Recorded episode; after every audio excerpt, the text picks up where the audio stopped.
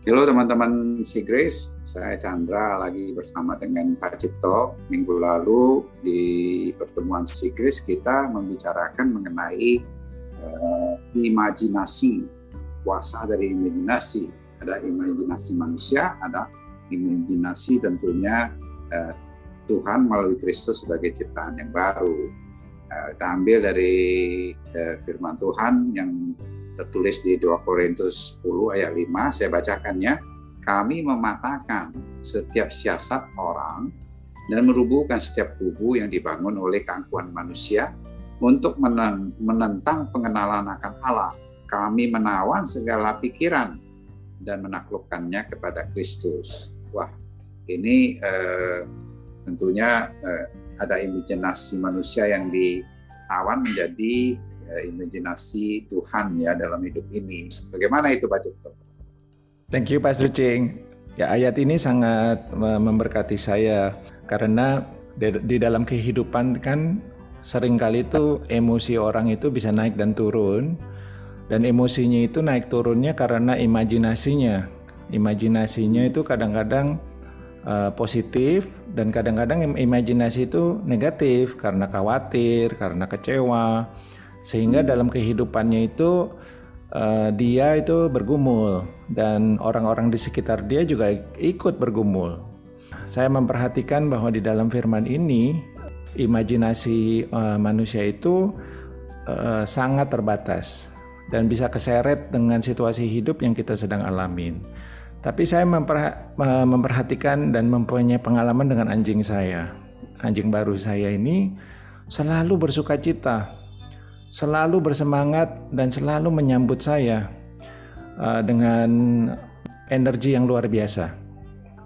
Apa pun keadaan yang dialami oleh dia, apakah dia lagi habis diomelin, apakah dia uh, dikasih makan yang enak, yang banyak atau sedikit, uh, dia itu tidak terpengaruh sama sekali.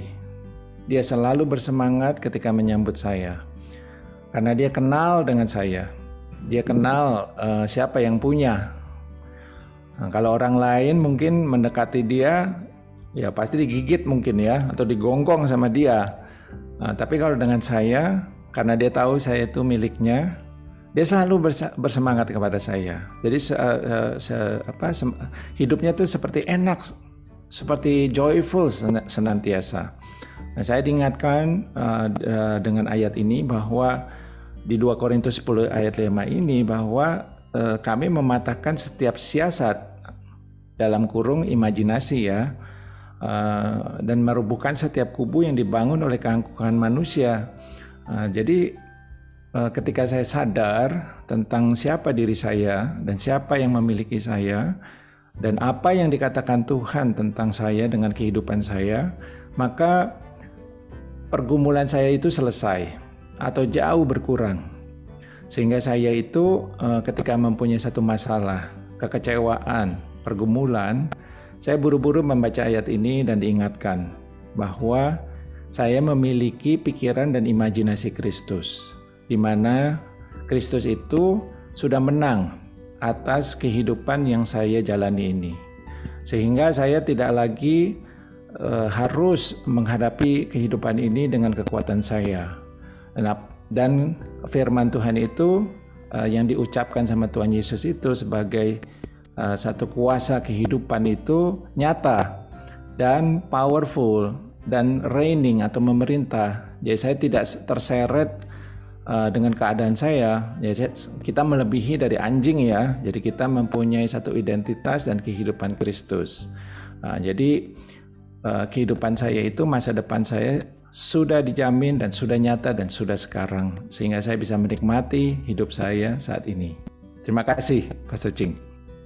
Wow, terima kasih sekali untuk uh, penjelasan dan uh, kesaksiannya Pak Cipto. Ini biar bisa dialami senantiasa di dalam kehidupan kita di mana kita sudah memiliki uh, uh, roh Tuhan dalam hidup kita sehingga uh, imajinasi kita pun ya yang tidak uh, memberikan sesuatu yang uh, damai sejahtera tentunya kita akan terima ya. Kita akan memikirkan eh, seperti yang Tuhan sudah berikan sehingga situasi kondisi apa pun seperti anda sebutkan kepada anjing anda apalagi anda lebih daripada atau kita ini sebagai anak Tuhan tentunya di tengah badai ke bisa eh, damai ya kan eh, di di tengah gua singa pun bisa tidur seperti itu ya tetap aja bersuka cita dan damai karena uh, itulah uh, diri kita, imajinasi kita di dalam Kristus Yesus.